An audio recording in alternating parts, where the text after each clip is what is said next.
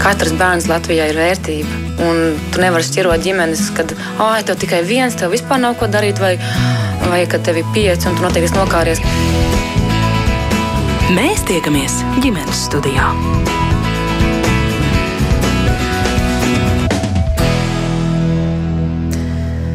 Labdien, redzējums ģimenes studijas sāk savu skanējumu. Jūs kā vienmēr sveicināta producente Ilza Zvaigzne un mans vārds ir Agnese Linka. Šodien mēs apspriedīsim aktuālu tēmu par mākslīgā intelekta ietekmi uz izglītības procesu. Mākslīgais intelekts jau sen ir kļuvis par vienu no visstraujāk attīstītajām tehnoloģijām, un tā ir atstājusi iespaidu uz daudzām jomām, tostarp arī izglītību. Mēs aplūkosim, kā mākslīgais intelekts var būt palīgs skolotājiem un skolēniem, bet arī apspriedīsim iespējamās bažas par to izmantošanu. Šeit es varētu teikt citāta beigas, jo tieši šādu raidījuma ievadu man šodien piedāvāja programma Chat GPT. Tātad mākslīgā intelekta rīks, kuram es lūdzu uzrakstīt ievadu radio raidījumam par mākslīgā intelekta ietekmu uz izglītības procesu. No savas puses varu piebilst, jā, ka gribam runāt par mākslīgo intelektu un akadēmisko godīgumu gan skolas, gan augstskolu līmenī, vai un kā pedagogi var vai varēs novērst platību plaģiātismu skolēnu studentu darbos, laikā, kad jā, šis mākslīgā intelekta rīks eh, dažādos eh, veidos ir pieejams teju ikvienam. Par to mēģināsim spriest šai sarunā, un tās dalībnieki šodien būs Rīgas Tradiņu Universitātes pedagoģiskās izaugsmes centra vadītāja Nora Jansone Ratinika. Labdien! Laba diena! Arī dzen Rīgas Tehniskās Universitātes mākslīgā intelekta un sistēma inženierijas katedras doktorants mākslīgā intelekta pētnieks Evalds Urtāns kopā ar mums šodien ģimenes studijā. Labdien! Labdien! Un telefoniski ar mums kopā arī Latvijas Universitātes mākslīgā intelekta laboratorijas vadošais pētnieks profesors Guntis Bārsdiņš. Sveicināti! Jā, labdien! Un kā alaži arī jūs klausītāji, protams, esat aicināti pievienoties mums šai sarunā ar kādiem saviem jautājumiem, pieredzēm, viedokļiem vai komentāriem. Droši, ja tādi rodas, rakstiet mums ģimenes studijā no Latvijas radio mājaslapas eh, šeit eh, studijā klātesošajiem. Laikam eh, visu pirms Evaldam lūkšu vaicāt, nu tiem, kas varbūt vēl nezina vai nezina tā ļoti visaptveroši, par ko mēs gribam runāt, kas tad īsti ir mākslīgais intelekts. Par tādu vārdu salikumu, par šādu jēdzienu mēs it kā dzirdam vairāk vai mazāk tur garām ejot gadiem, vai varbūt pat jau kādiem gadu desmitiem, bet Kāpēc tieši pirms, nu, nemāku precīzi teikt, dažiem mēnešiem vai vairākām nedēļām tas ir kļuvis īpaši aktuāli un visi par to runā un visi tam chat GPT kaut ko jautā? Jā, tas uh, mākslīgais intelekts pēc būtības ir matemātisks modelis, kas dod kā, tuvinātu risinājumu. Tur nav iekšā nekādi likumi, kā līdzīgi kā, piemēram, kāda saprogrammē sistēma tad tur tas nenotiek tā nemaz. Tur nav neviens likums iekšā. Viņi balstās uz, uz datiem. Šajā gadījumā tas, par ko mēs runājam, tas čāta GPT, tas ir mo valodas modelis, kas balstās uz uh, vairākiem simtiem terabaitu internetā pieejamo tekstu. Visās valodās, tāpēc arī latviešu valodā tas strādā ne tik labi kā angļu valodā. Un, uh, attiecīgi, tas simulē uh, to, kā cilvēks runā. Piemēram, uh, ja es saku daudz laimes, dzimšanas dienā, vai ne? Pirmais nāk prātā, tad tas arī tas, ko viņš prognozē. Un līdzīgi tāpat visām citām lietām, kas ir, ko mēs dabīgi runājam, viņš visu laiku tikai turpina. Ņemot vēl, ja man ir iespēja mazliet pateikt, tad tas modelis nav, nekā, nav nekāds kā orākls jo viņi pēc būtības strādā uz uzmanību no tā, ko tu esi iepriekš rakstījis. Attiecīgi, viņš ir tāds, ka tu viņu vari vadīt pēc tā, taviem pašu ieskatiem. Viņš tev sāks atbildēt to, ko tu vēlies, vairāk vai mazāk. Un, un arī viņam ir limitēts apjoms. Cilvēki citreiz viņam kopē iekšā garus referātus un saka, uzrakst man skopsavilkumu, bet īstenībā viņam ir 4000 zīmju limits, un uh, viss, kas bija iepriekš, viņš ir pilnībā aizmirsts būtībā. Un, uh, uz, bet uh, tas ir tā, tā pašreizējās limitācijas. Aha. Tad viņš uh, jāatzīst, ja mēs drīkstam to saukt par viņu, vai viņu par to, kā nu būtu labāk, nezinu. Tad viņš man šodien ir drusku mānījies, jo es jāatzīst diezgan lielu daļu laika šīs darbdienas esmu pavadījusi izmēģinot, kā nu tas varētu darboties. Un, un jāatzīst, viņš teica, ka viņš ir ļoti objektīvs un ka nekādas individualizētas atbildes attiecībā uz maniem iepriekšējiem meklējumiem viņš man nemēģinās sniegt, jo tas nav iespējams. Jā. Nor, kā jūs no savas puses jūs varbūt arī šo paskaidrotu, papildinātu, varbūt Evaldi teikto, nu, ja mums būtu mērķis izstāstīt, es nezinu, vai nu bērnam vai vecmāmiņai, kas ir tas mākslīgais intelekts, kas visiem uz mēles? Es droši vien tā kā es pārstāvu izglītības vidi un, un, un tas mans pienākums ikdienā ir arī par šo runāt ar docētājiem un ar studējošajiem. Viena no manām atbildības jomām ir par un ap akadēmisko godīgumu, gan veicināt prevenciju un vispār izpratni, kāpēc mums ir jābūt godīgiem un, un ko tas veicina mūsu dzīvē mm. un, un kā to saredzēt nu, tādos praktiskos ikdienas darbos, gan mācībās, gan administratīvajā darbā, gan tad, kad mēs nonākam lielajā dzīvē un tam līdzīgi. Tad jums arī droši vien kaut kur pašos pamatos ir tas skaidrojums tāds vienkāršs vienkārši? Jā, pavisam, pavisam vienkārši, jo, jo tas ir pilnīgi normāls jautājums. Mēs nevaram iziet uh, no pieņēmuma, ka visi saprot gan tehniski, gan praktiski, kā tas darbojas, kāpēc tas ir vajadzīgs, kāpēc tas ir radīts un kā to lietot. Un tad tas skaidrojums, kā mēs izglītībā skatāmies vispār uz jebkuru tehnoloģiju, tostarp arī uz mākslīgo intelektu, uh, tas nav pašmērķis. Mēs skatāmies uz to, kā tehnoloģijas, tostarp mākslīgais intelekts, var papildināt cilvēku. Un kā mēs ar to varam sadarboties? Un kur mums ir jāpasaka, paldies, man tā palīdzība nebūs vajadzīga. Vai arī es redzu, ka tas nav kvalitatīvs darbs, es varu labāk. Uh, datos balstīts risinājums, kurš palīdz mums saražot starta materiālu kaut kam, ko mēs pēc tam varam attīstīt, vai nu, aptuveni tā, tā būtu tā pozitīvā ievirze, jo droši vien, ka mēs nerunājam par izglītību pret tehnoloģijām. Tādu saukli es laikam nekur vēl neesmu dzirdējusi. Mēs ja, runājam par izglītību ar tehnoloģijām vai tehnoloģijās balst, balstīt mācīšanos. Mm. Nu, labi, un Gunti, ja jau visiem, tad visiem arī jums, ja es vaicātu, kā jūs eh, tā vienkāršot, populāri zinātniski skaidrotu, kas tad ir mākslīgais intelekts un čat eh, GPT. Nu, jā. E, nu, es parasti skaidroju tā, ka tā pamattehnoloģija radās apmēram jau pirms diviem gadiem. Tas, ko uh, Utāna kungs te sākumā jau skaidroja, ka paredz nākamos vārdus tekstā. Bet viņa divus gadus nekļuva īsti populāri, iekams uh, šim te ChatGPT iemācīja it kā personību. Viņam var uzdot jautājumus, viņš uz tiem jautājumiem atbild. Agrāk tā bija tikai tāda teksta turpināšanas iespēja. Nu, tāds iespēja, ka ChatGPT spēja atbildēt uz jautājumiem, ka viņam piemīt šī personība, ar kuri kā var sarunāt sarunāties, kaut ko paprasīt, viņš kaut ko atbild un teikt, ka tā atbild nav laba, precizēt un tam līdzīgi. Tas ir tas, kas parādījās jauns pirms uh, diviem mēnešiem, 30. novembrī, tas, ka šāda GPT tika laists pasaulē. Jā, tad personalizē, personalizācija, tā varētu teikt, tas ir tās popularitātes pamatā, ja es pareizi sapratu. Nu, personalizācija nevis uz to, kas ar viņu runājas, bet ka viņam pašam par sevi kā piemīt tāda personība, viņš ir pieklājīgs, nav rupšs un tā tālāk. Viņam tika iemācīts, kā pieklājīgi sarunāties. Jā, labi dresēts. Jā, es viņam vairāk kā šodien lūdzu teikt pareizi latviski lietas un frāzes. Viņš arī pateica paldies par to. Lolita mums vēl par definīcijām runājot, raksta mākslīgais intelekts ar trīs izsaukuma zīmēm. Zinātnieki saka, ka pagaidām tāda vēl nav, ir tikai labi izstrādātas eh, programmas. Nē, piekritīsiet? Nu, Mākslīgais intelekts pēdējo desmit gadu laikā ir, ir izveidojies tas, kas tas tagad ir. Un tā, un, uh, mēs nevaram īstenībā viņu izbeigt. Un, un, uh, šis čats GPT ir kaut kas, kas pamodinājis ir beidzot uh, izglītības sistēmas visā pasaulē, ne jau tikai Latvijā. Bet pirms tam eksistēja vēl citi virkni rīki. Piemēram, man uh, vidusskolēniem es te parunāju pirms tam, un jums interesē, var pastāstīt, viņiem vesels arsenāls ar mākslīgā intelekta rīkiem, par ko viņi izmanto pret skolu, nu, lai varētu jau. automatizēt darbu. Jau, ja? Jā, jā. Aha.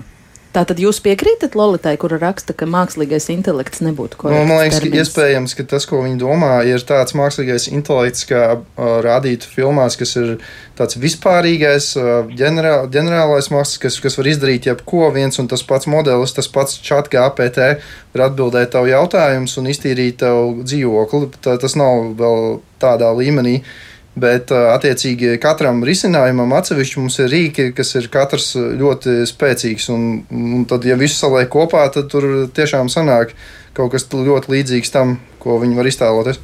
Mm -hmm. Gunti, kam jūs piekrītat, vai varbūt ir kas piebilstams tieši par pašu vēl to definīciju? Ir vai nav tas mākslīgais? Nu, par to definīciju es domāju, ka, ka tā varbūt neizpratne tā atkal, ko tas jau sākumā tika minēts, ir, ka tas, ko mēs ar mākslīgo intelektu saprotam, protams, gadu laikā ir mainījies. Tā agrāk tās bija programmas un varētu teikt, tas bija programmas, bet tagad pa jaunam, kā jau tas tika teicis, tā ir statistika, ka mēs savācam datus un tajos datos balstoties mēs mēģinām statistiski uzmanīt ticamāku atbildi, ka tā vairs nav programma. Cilvēks to vairs nedara, ka cilvēks ir radījis tikai šo matemātisko modeli, kas darbojās uz datoru, kas no datiem mācās un pēc datiem atbild. atbild. Tā kā, nu, ja mēs mākslīgo intelektu saprotam kā datos balstītu mācīšanos, nu, tā ir realitāte, tā nav tāda cilvēka rakstīta programma realitāte. Nora, kā nākamajai, tad vaicāšu jums, nu, kā, kā tad jūs saredzat to, kā šis mākslīgais intelekts, ja mēs tomēr pieturamies pie tā, ka to tā sauksim,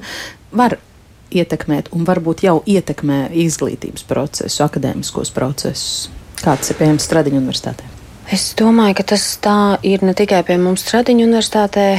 Mēs esam nu, jau daudzus gadus runājam par, par paaugstinātu tehnoloģiju īpatsvaru, un mākslīgais intelekts ir nu, tehnoloģisks risinājums, uh, lai automatizētu dažādus procesus uh, pārvaldībā, un ne tikai lai, lai, lai saprastu, kā mēs varam lietot jēgpilni, efektīvi gan docētājs, gan tas, kurš mācās studējošais vai skolēns uh, skolā, dažādu veidu tehnoloģijas. Un, uh, mēs īstenībā tiecamies uz mākslīgā intelekta risinājumiem. Mēs vēlamies viņus integrēt uh, universitātē, mēs vēlamies uh, saprast, kā var šie te tehnoloģiskie risinājumi optimizēt mūsu darbu un varbūt atbrīvot cilvēka laiku, lai viņš varētu darīt kaut ko vairāk. Tā kā, nu, atkal, atkal man, man vispirms nedod mieru tas jautājums kā mēs domājam par šo mākslīgo intelektu. Vai viņš ir a priori slikts, vai tomēr tajā kaut kas ir, kas varētu atvieglot mūsu dzīvi un ko mēs īstenībā varētu ritīgi, uh, efektīvi lietot. Un kā jūs par to domājat? Uh, Mums ir dažādi mākslīgā intelekta risinājumi, nu, teiksim, tā elementi, jā, kaut vai uh, tās pašas satura originalitātes uh, pārbaudas programmas. Mēs lietojam Turnitin, mēs zinām, kā, kā Rīgas Tehniskās universitātes kolēģi ir izveidojuši pašu savu rīku. Uh, protams, tie nav vienīgie risinājumi. Tas, tas ir tās pretplaģiātis programmas, par kurām jā. mēs arī jau te gadiem pa laiku pa laikam paspriežam. Jā. Jā, jā. Tas, ko sistēma dara, uh, uh, iespējami dažādos veidos tiek pārbaudīta satura originalitāte. Mm. Ja? Un, protams, šis mērķis ir nodrošināties par to, ka tas ir uh, autentisks, paša pašu cilvēku radīts saturs. Mm. Uh, ar to mēs strādājam jau daudzus gadus. O, teiksim tā, arī uh, šajā sistēmā tas algoritms kļūst ar vien gudrāks, jo viņam ir lielāka bāze, no kā viņš var atlasīt, pret ko viņš var salīdzināt. Tajā pašā laikā mēs lietojam arī respondus monitoru sistēmu. Tātad tā ir sistēma, kad tu, piemēram, pildi testu, tu sēdi savā mājas vidē, tests notiek attālināti, ja pārbaudījums.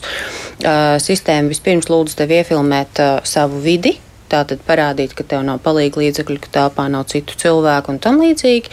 Un uh, testa aizpildes laikā arī seko līdz tav, tav, tav, nu, tavai acu navigācijai. Mm, jā. Ja? Un tad ir zaļie un sarkanie marķieri, uh, kurā nu, sistēma šo, šo testa darbu ieliek. Un tad attiecīgi docētājs vērtē. Tas ir kaut kas, ko jūs jau tagad darāt. Vai Jā. šī čata GPT popularizēšanās visaptverošā kaut ko maina? Tajā vispār, kā jūs vērtējat akadēmiskā godīguma ievērošanu?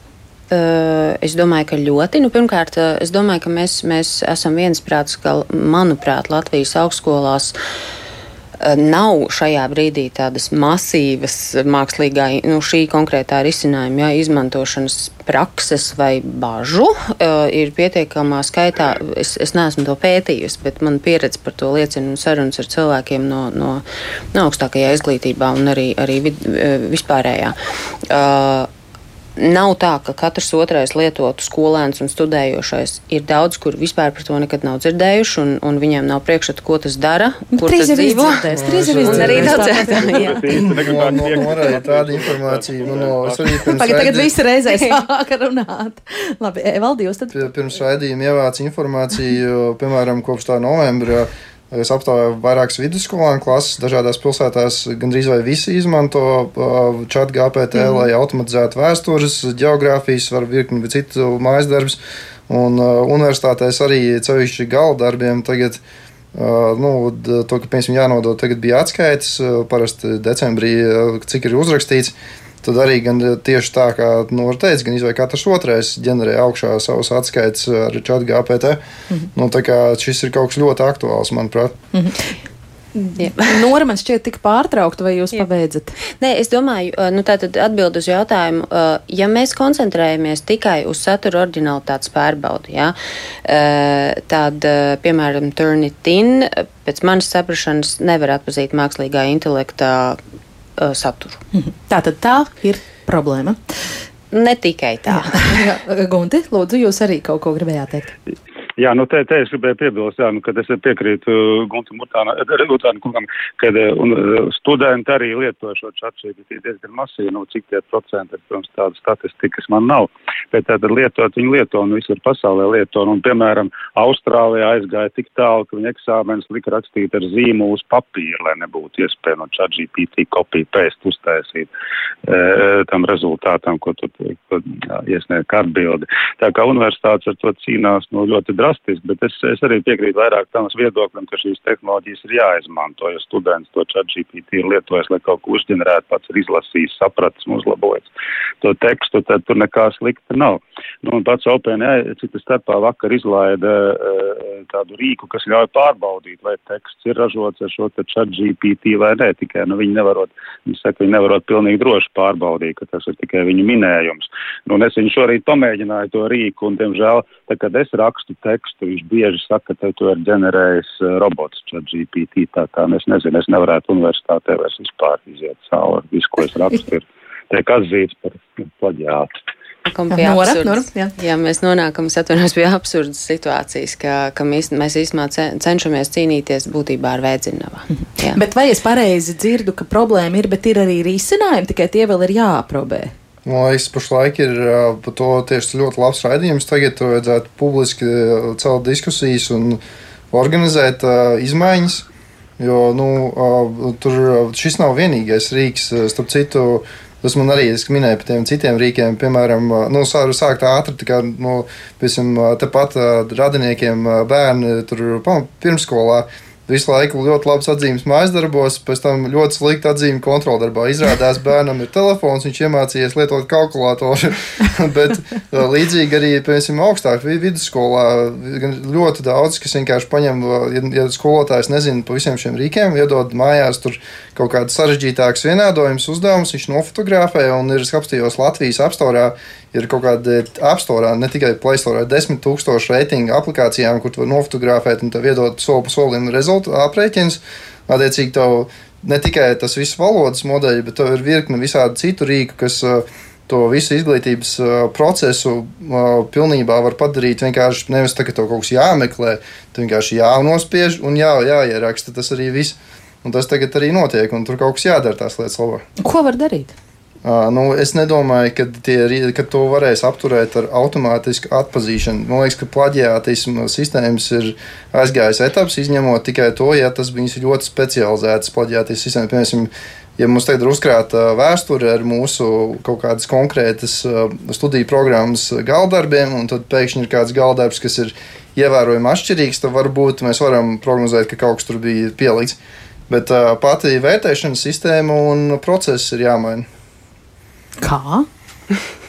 Es nepretendēju uz tādu viennozīmīgu atbildi. No zelta ceļa nav. Es, es domāju, ka zelta ceļa nav, bet ir dažādi risinājumi, par kuriem būtu jādomā. Pirmkārt, eh, visā izglītības sistēmā mēs nu, jau tiešām daudz gadus domājam, kā mainīt vērtēšanas pieeju un, un, un pārbaudījumus, starp pārbaudījumus un gala pārbaudījumus. Ne tikai tāpēc, ka eksistē mākslīgais intelekts un, un kāds kādam palīdz, ja?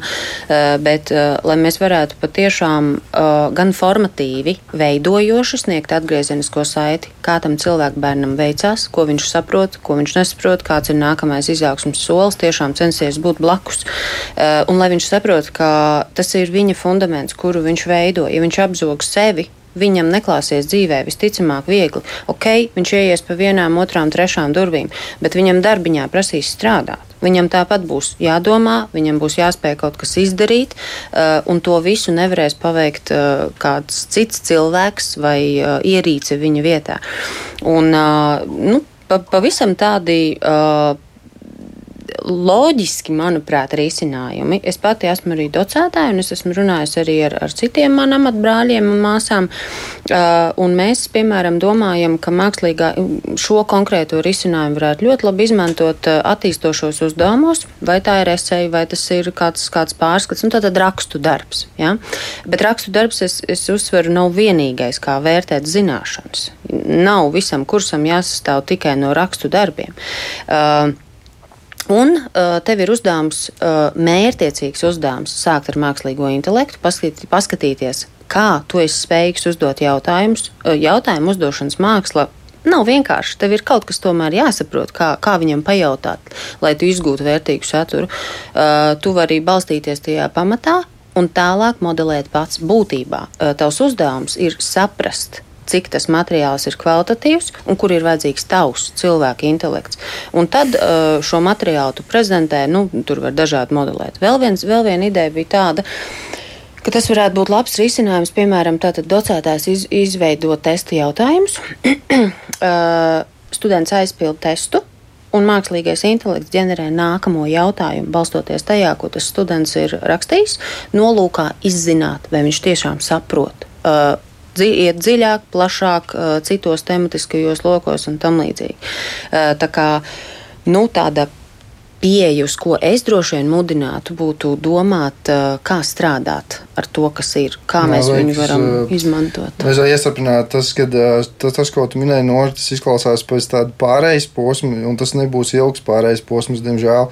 Un tad, ja tā, ja tā domā strateģiski par to, kā uz priekšu akadēmiski viņus ie, ie, ielikt, es pilnīgi piekrītu ar ļoti labu ideju piemēram, par to, ka čat GPT vai līdzīgs modelis var izmantot skolotājs, lai uzģenerētu sev idejas, piemēram, kā mm. varētu pamainīt uzdevumus vai pielāgot interesēm katram studentam vai variants ģenerēt, bet pašā tajā studenta darbā Man liekas, vienīgā lieta, ko viņš var izmantot kā konsultantu, bet nevar iesaistīt tajā gala darbā, jo tas, kā tu teici par to jautājumu, ja tas saucās tagad uh, prompt engineering, uh, to var attīstīt un darīt, bet uh, tas ir pārējais posms, jo pēc, nezinu, varbūt pat pēc gada būs modelis, kas tev tikai ar to uzdevumu definīciju iedos jau pilnīgi visu gatavu, un tev būs tā kā editing, tu būsi, tu sev attīsti mm -hmm. editoru spējas.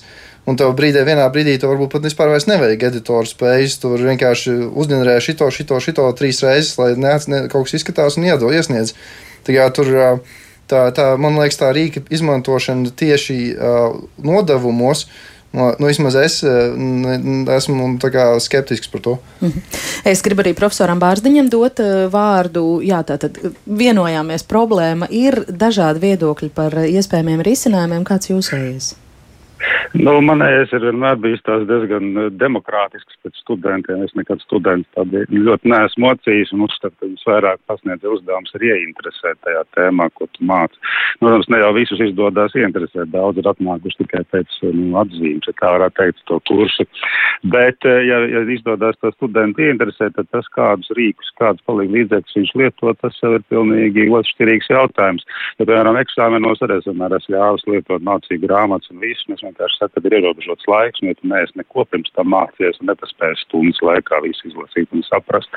Tā kā, nu, es, esmu, es uzskatu, ka eh, šī atvērtā pieeja, nu, man, man tā kā es mācījos universitātē, patīk pasniedzēji, kam bija šī pieeja, kad pasniedz uzdevums ir ieinteresēt studentu šajā tēmā un nevis tur viņu ļoti ierobežot, lai viņš visu iekaļ no galvas un nešpeko. Tā kā es, es neredzu lielu traģēdiju šajā tēmā mākslīgā intelekta lietošanā. Tas ir tā kā Google, kā kalkulators.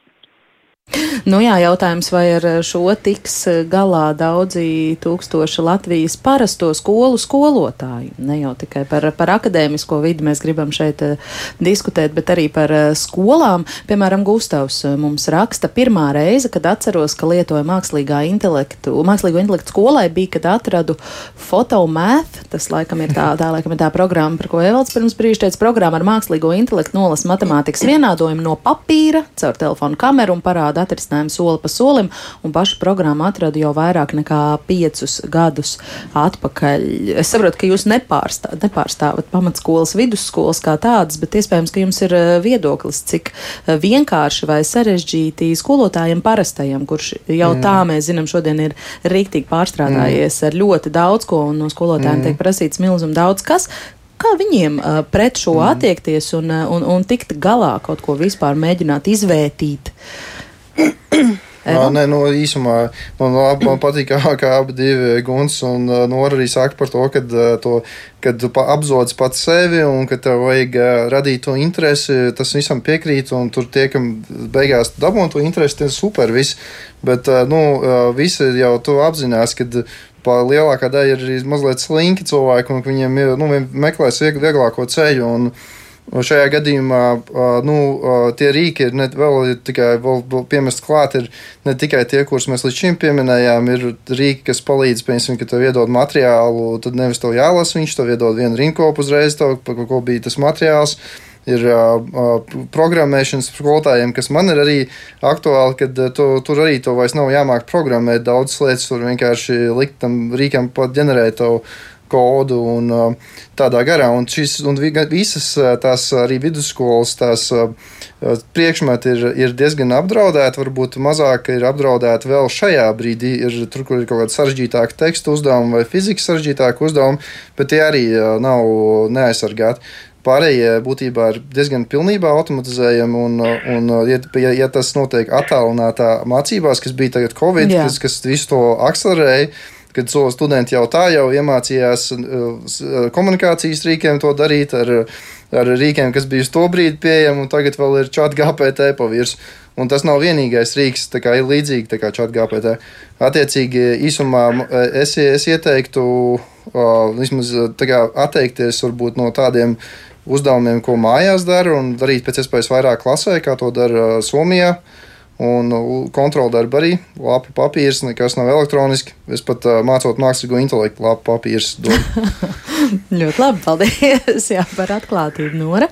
Es vispār aizdomājos, kolēģi, par, par jautājumu. Nu, skaidrs, ka tehnoloģijas attīstās. Un atpakaļ visticamāk, jo tas vairs neies. Nu, kā Evalda arī teica, ka nu, pēc gada būs tas, pēc tam būs tas. Mums neiedomājamos iespējams veidos. Ja? Varbūt, varbūt tev mazliet skaidrākos veidos nekā mums. Uh, bet es domāju arī par to pašu skolu.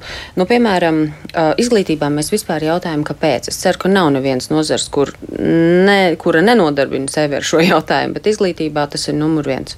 Un izglītība iedod ne tikai zināšanas un prasmes, uh, bet viņa iedod vai ļauj attīstīt sevi arī attieksmes. Un attieksme ir tā, kas pasaka, es gribu vai negribu šo lietot. Protams, ir, ir izaugsmas līmeņi. Ja? Skolēns viņam nav ne tādas dzīves pieredzes. Ja ja viņam normatīvi pasaka, zini, ir tāda Wikipēdija, tas ir slikti. Nē. Un tu viņam uzdod jautājumu. Viņš, piemēram, atnāk mājās un tu viņam prasa, es tā saprotu, ka skolotāji tev ir aizliegusi lietot Wikipēdiju. Jā, mēs nedrīkstam to darīt. Kāpēc? Un viņam nav šo jautājumu atbildes. Mm. Uh, Wikipēdija nav slikti. Tad, kad es kaut ko meklēju, piemēram, farmācijā, politikā, nozarēs, kas nav manas, es sākšu ar Wikipēdiju, lai vispār norientētos, par ko ir stāsts, kas ir galvenie autori, ka, nu, kā atkarībā no tā, ko es meklēju. Uh, bet es pie viņas nepalikšu. Uh, tieši tāpat uh, es nedomāju, ka uh, ceļš vai skolai vai augstskolai ir tikai konfiscēt visu iespējamo, uh, atstāt viņu uh, pilnīgi tukšā telpā, iedot lapu un tagad, kas vien jau uzdevums stresu. Ja? Uh, es domāju, ka tā ir kaut kāda kombinācija un galvenokārt skaidrošana. Uh, un, ja mēs runājam par skolas līmeni, uh, viss izglītības pienākums nav jāuzņemās tikai skolai un skolotājiem. Vai tas tā nedrīkstētu būtībā būt? Ir mājas vide, katram sava.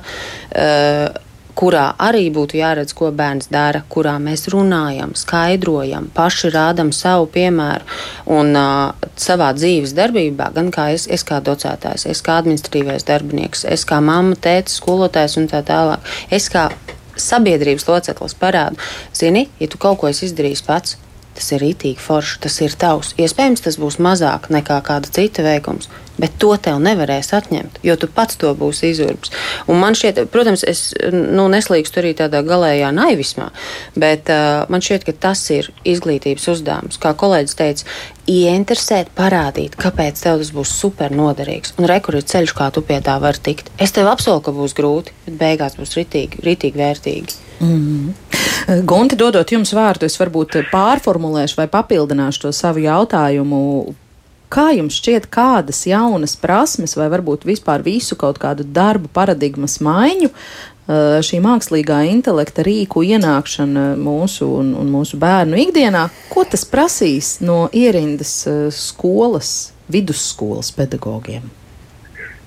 Jā, nu, es domāju, ka šis ir labs jautājums, jo, jo ne jau ChatGPT ir vienīgais, no visi, visi sociālajie mēdī un tā tālāk, kur bērni arī pavada lielu daļu savu laika brīvā un tā tālāk ir izmainījuši viņu attieksmi daudzām lietām un kur viņi iegūst informāciju un tā tālāk. Ne jau tikai Wikipēdija ir vienīgais, tur visi YouTube kanāli un tā tālāk.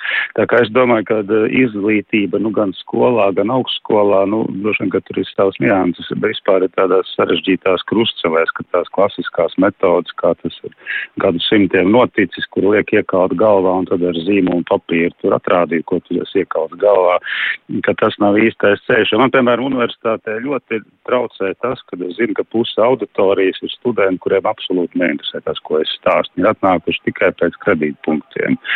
Un tā situācija, man liekas, ir traģiska. Tas ir gan ekonomiska eh, sloks visai sabiedrībai, ka viņi tur sēž un negribēdam sēdēt. Un arī tas, ko Burkānkungs teica, ka, nu jā, nu tātad, ka cilvēki ir slinki, meklēs vieglāko ceļu. Protams, ka tie, kas ir atnākuši, kas nav ieinteresēti šajā jautājumā, tad uh, viņiem tur nevajadzētu sēdēt. Nu, protams, ka nu, atteikties no izglītības arī varbūt ir slikti, bet varbūt, ka pārāk daudz vienkārši sēž tur, kur viņiem nevajadzētu sēdēt un mēģina izlikties, kā viņi mācās. Tā kā varbūt tas tās ļoti kardināls formulējums no manas puses, bet es gribētu teikt, ka nu, jāmācās ir tiem, kas grib mācīties, kas negrib, nu, lai viņi dara kaut ko citu. Jā, jā, bet līdz 9. klasē jau mums pagaidām vēl valstī obligāti ir tā izglītība. Un tur ir diezgan nu, daudz tajā nu, tur, tur vidusvecumā, kas teiktu, ka, ka labāk nē, es varu arī šo nedarīt. Nu, tas, ir, tas ir sarežģīts jautājums, ko darīt līdz 9. klasē. Ja, jo tas varētu būt īpaši aktuāli šajā vecumā, vai ne? Tas, tas slinkums. jau ir, ir, ir jau, tāpēc jau ir visa likuma sakārtot tā, ka nu, līdz tajos agrākajos vecumos bērni jau viņi nav psiholoģiski pieauguši, lai pieņemtu pareizos lēmumus uz, uz tādām lietām. Viņi pateiks, es negribu mācīties un visu. Un Fotomāt. Pēc, jā, pēc tam vēlāk ir sliktāk pašam. Nu, Un uh, es savu abu kolēģi tā, tās domu saprotu un, un patīk tā ideja, ka tur varētu darīt tās, lai, kad cilvēki apzinās un viņi grib to darīt, un tad tieši īpaši sevi neapzog un tā, bet, nu, ceļš arī tajā sākuma posmā, tas ir īpaši sarežģīti tagad, man liekas, jo, nu, tas bērns, viņam ir tie rīki, Tad, nu, kā tu viņu, nu, tur, piemēram, kolēģis tur dabūna, cits students dabūna tur 9, 10, tie, un otrs tur daudz sliktāk dabūna, tad vērtē, jau vērtējumam tā kā nav īsti vairs nozīme. Tad, mm -hmm. nu, mhm. tad kāpēc mums ir vērtējumi? Nu? Mm -hmm. Nu, jūs vēl ko gribējāt teikt? Jā, es, es, es klausījos, ko kolēģis teica, un, un, un es esmu pazīstama ar šo situāciju, un es esmu, nu, būtībā es ikdienā arī strādāju ar šo situāciju. Mēs nestrādājam tikai nevienā izglītības līmenī, arī pieaugušo izglītībā mēs nestrādājam tikai ar augstu motivētām izcilībām. Nu, ja mēs ietu tikai tādu ceļu, tad uh, es domāju, ka mums drīzumā klātos ļoti plāni. Uh, es nespriedīšu par citiem, es runāšu par sevi. Uh, es nevaru teikt, eh, ka es biju ļoti augsti motivēta gan skolā, gan pat jau augstskolā, lai gan es apzināti izvēlējos savu pirmo prioritāti augstākās izglītības studijās.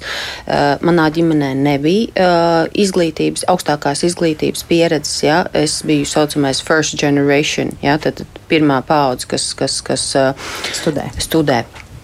Uh, un, uh, ja mani nebūtu atbalstījuši brīnišķīgi skolotāji, ja mana ģimene mani nebūtu atbalstījusi un piespiedusi, disciplinējusi, kas ļoti nepatika un kas nu, nevienā brīdī nebija komfortabli, es nezinu, vai es te šodien sēdētu un vai es varētu darīt to, ko es varētu darīt.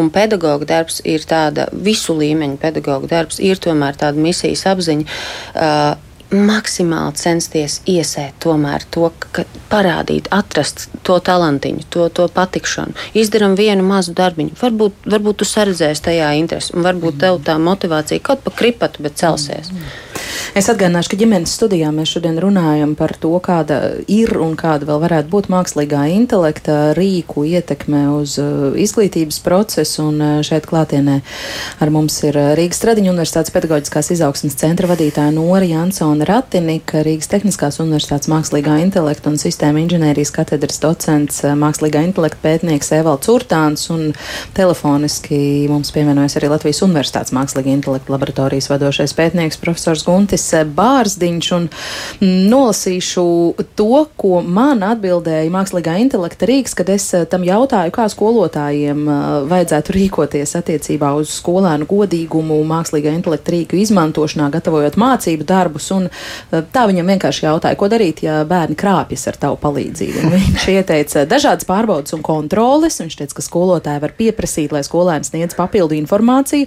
vai atrisina papildu uzdevumus, lai pārliecinātos, vai viņi ir sagatavoti sagatavojušies un apguvuši mācību materiālu, un arī originalitātes pārbaudas eh, ieteica tātad skolotājiem izmantot programmatūras, lai pārbaudītu, vai darbi nav kopēti no citiem avotiem, ieskaitot mākslīgā intelekta eh, rīkus. Tāda lūk padoma. Dažas klausītāju replikas. Māra raksta, ka viņas prāt mainīsies vecā skolotāja paudze, jaunas tehnoloģijas ienāks pilnīgi, uzņēmēja interese ir darbinieks, kas prot meklēt, risināt problēmu, par kuru skolā nemāca, nav jāiekaļ lietas, ir jāprotās atrast. Un jā, es savā darba ikdienā izmantoju kalkulātoru. Paldies profesoram, kas ļauj visus materiālus izmantot saviem studentiem.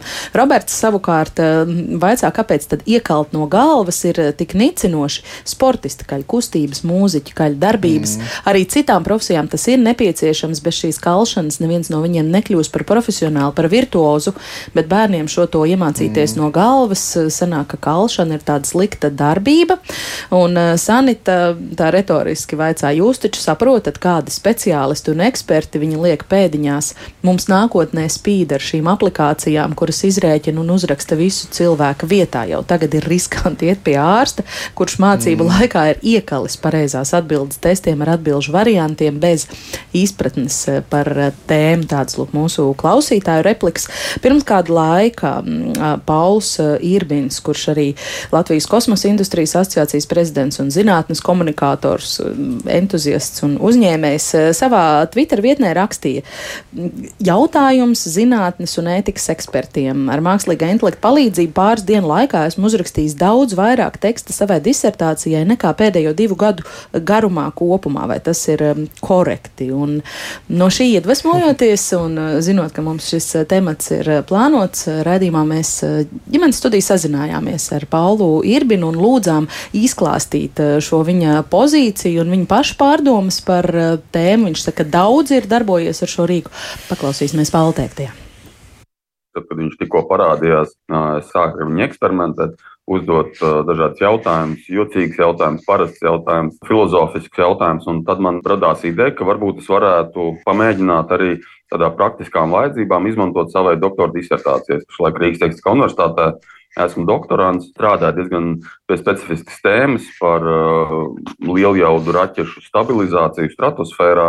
Un man liekas, nu, par to tēmu jau droši vien uh, ir tik specifiska un šaura tēma, ka būtu grūti kaut ko atrast. Un, uh, Sākumā uzdevu tādus ļoti vispārīgus jautājumus, bet redzēju, ka atbildes nāk sakarīgas. Nu, es pat cik pats tajā tēmā pirms tam esmu iedziļinājies un, un, un gadiem jau darbojos. Es redzēju, ka atbildes tomēr nāk diezgan pamatotas. Arī atsauces uz materiāliem arī bija pamatotas. Nu, tad es sapratu, ka varbūt tās šo instrumentu es varētu sākt izmantot, lai savai disertācijai sagatavotu aprakstošo daļu. Parasti disertācija sastāv no vairākām daļām. Pirmā diezgan liela daļa, kur tiek aprakstīta visa iepriekšējā pieredze tajā laukā, visi iepriekšējie, kas ir bijuši pētījumi, eksperimenti, sasniegumi, tādi, kas rada to priekšstatu. Man liekas, ka tai sadaļai tas varētu noderēt. Un tad es arī vēl sāku uzdot jau tādus precīzākus jautājumus par formulām, kādas formulas tiek izmantotas. Tas man arī likās, ka nāca diezgan pareizi ārā, ņemot vērā, ka es pirms tam diezgan daudz laika arī biju ieguldījis, lai pētot dažādas materiālus, dažādas atsauces internetā tiek vadīta iekšā tēma, tad parādās dažādi materiāli, tad tu viņus lasi, tad tu saproti, kas der, kas neder.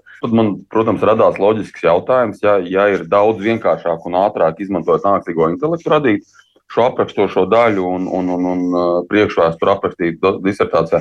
Vai cilvēki, kas strādā pie disertācijām, bet tikpat labi tas var būt droši vien maģistra darbs vai bakalaura darbs vai vienkārši pētnieciskais darbs vidusskolā, vai tas ir vispār ētiski un, uh, un pamatoti izmantot šo instrumentu tādām vajadzībām. Kā jūs pats uz šo jautājumu atbildētu? Ņemot vērā, ka es to jomu, ko es pētu, es jau nu, vairāku gadu garumā es esmu pētījis un, un darbojies viņā aktīvi. Šī, šī pētnieciskā sadaļa, lai izpētītu, kas pirms tam ir bijis, es jau viņu biju izdarījis, teiksim, tā jau. Analogā versijā es jau viņu biju izdarījis. Līdz ar to savā gadījumā, protams, es uzskatu, ka man tas rīks uh, palīdz vienkārši ātrāk un efektīvāk aprakstīt to tēmu, sastruktūrēt. Jebkurā gadījumā lai to darītu, lai, lai, lai varētu izmantot šo rīku, tev tāpatās, jebkuram pētniekam galvā ir jābūt struktūrai, jau ir jābūt kaut kādai priekšvēsturei, ir jau jābūt saprašanai par to jomu, jāsaprot, kā šī joma sadalās apakšjomās, un izējot no tā, tad var uzdot uh, šim, šim uh, mākslīgam intelektam precīzus, ļoti šauri definētus jautājumus, kas iekļaujās 100, 200 vārdos, un tad, ja tu precīzi galvā sev to struktūru izveidojis, tad tu viņu vari izmantot. Bet uh, tas, ko droši vien pašlaik mākslīgais intelekts nevar izdarīt, ir, ir tieši šī radošā daļa, šī daļa, kur tu rādi kādu jaunradi, kur tu izdari secinājumus. Nu, tam, tam viņa pašlaik, es domāju, nav piemērota. Ja tu pēti vienalga vai nu bioloģijā vai medicīnā, tev ir jāsaprot, kāda ir bijusi priekšvēsture šajā pētniecības laukā. Tev ir jāsaprot, kuri ir tie galvenie cilvēki, kas to ir darījuši, kādi ir bijuši praktiskie pielietojumi, kādi ir izaicinājumi, kādi ir tie esošie attīstības virzieni, cik daudz pētījumu tev tāpatās tas ir jāsaprot. Šo rīku es redzu, tu vari izmantot, lai padziļinātu, papētītu. Un varbūt pat daudz dziļāk, pateicoties šim rīkam, varbūt tu daudz dziļāk to vari izdarīt. Bet izmantot viņu kā jau gatavu risinājumu meklēšanai, tas, domāju, nav ētiski. Izmantot, lai tu saprastu to iepriekšējo darba apjomu, ko cilvēks tajā savā konkrētā jomā dara, manuprāt, tas ir ētiski. Bet tā, tā otra puse ir, protams, citiem pētniekiem, kas jau pieņem šādus darbus, ir jābūt arī spējīgiem, arī varbūt pat izmantojot šo pašu rīku, saprast, vai šis apkopojums ir pietiekami pamatots. Jo mūsdienās, ko es saskatu pētniecībā, ir svarīgi cilvēkam, kas pieņem un saka, ok, tu esi izdarījis pietiekami labu pētījumu, arī iedziļināties. Nevis tikai, ah, rekurors ir atsaucis, jā, viss kārtībā, bet tiešām pārbaudīt, vai atsaucis ir pamatots, vai tie secinājumi pareizi. Es pat kā pētnieks esmu saskāries ar, ar brīžiem, kad cilvēki atsaucās kaut kādiem pētījumiem, bet, ja tu pats aizies pārbaudīt to pētījumu, Tur nemaz par to netiek runāts. Ja? Un tā jau ir tāda nu, pat manipulācija, tā jau ir tāda krāpniecība. Īpaši tādā zinātniskā, pētnieciskā jomā mēs redzam, ka mūsdienās, un tas ir jo īpaši arī teiktu, mūsdienās, kad sabiedrībā ir cilvēki, kas runā vai nu pret vakcinēšanu, vai par plakanām zemēm, un arī atsaucās lūk, zinātnieki saka tā un tā. Un, un, un kad ir noteikti tāda liela zināšanu polarizāciju, tad ir svarīgi tiešām skatīties, kas tad ir tie pētījumi, uz kuriem tas ir balstīts.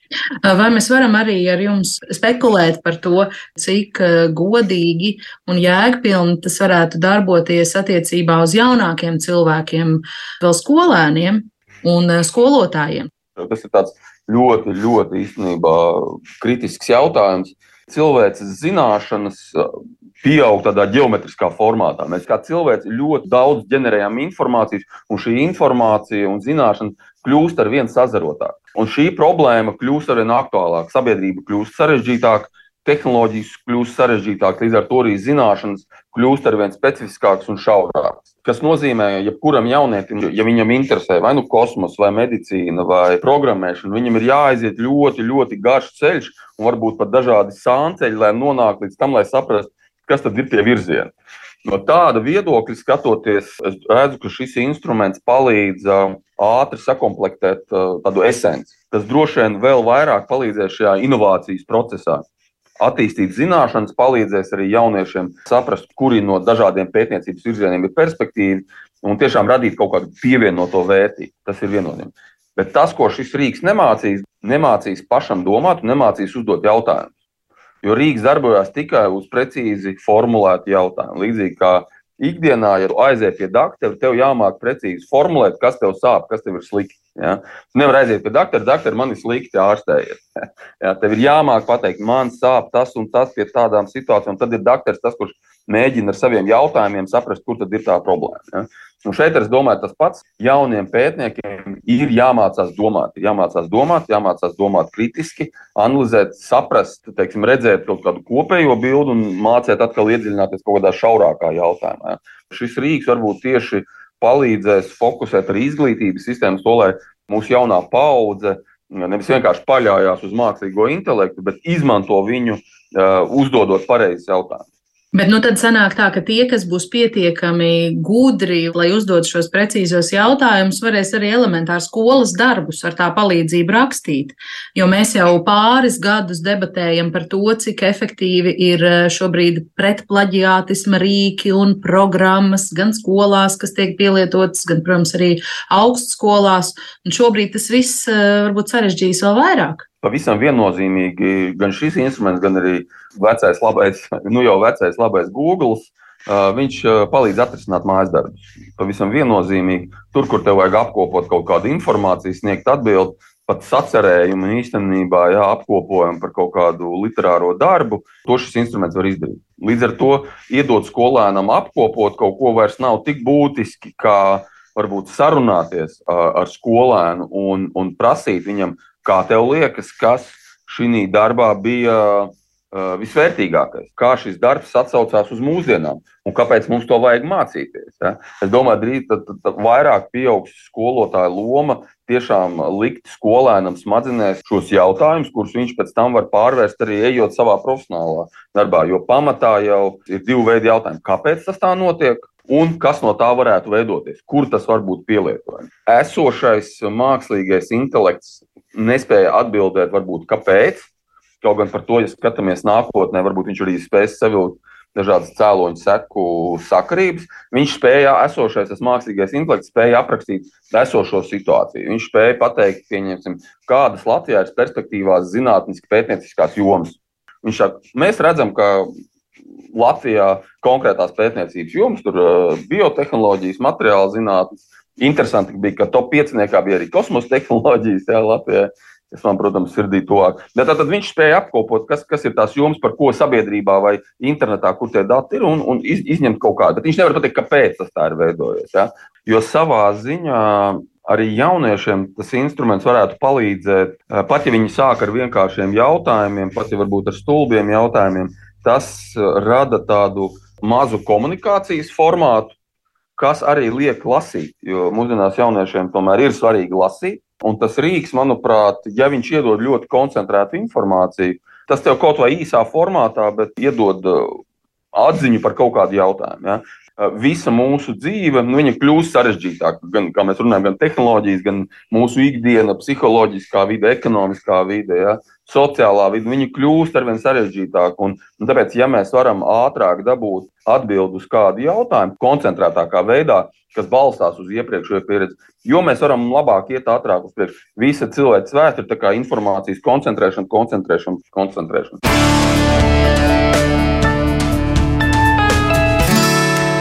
Tālāk Pauls uh, Irbins, plašāk pazīstams kā kosmosa uh, entuziasts. Nu, jūs teicāt, uzreiz sākāt pierakstīt, ka būs pāris komentāri. Man ir divi komentāri. Jā. Paldies par iepriekšējo. Par, mēs noteikti, es domāju, ka es varu runāt mēs formā, mēs neesam pret uh, iegaumēšanu. Iegaumēšana izglītībā ir ļoti būtisks komponents.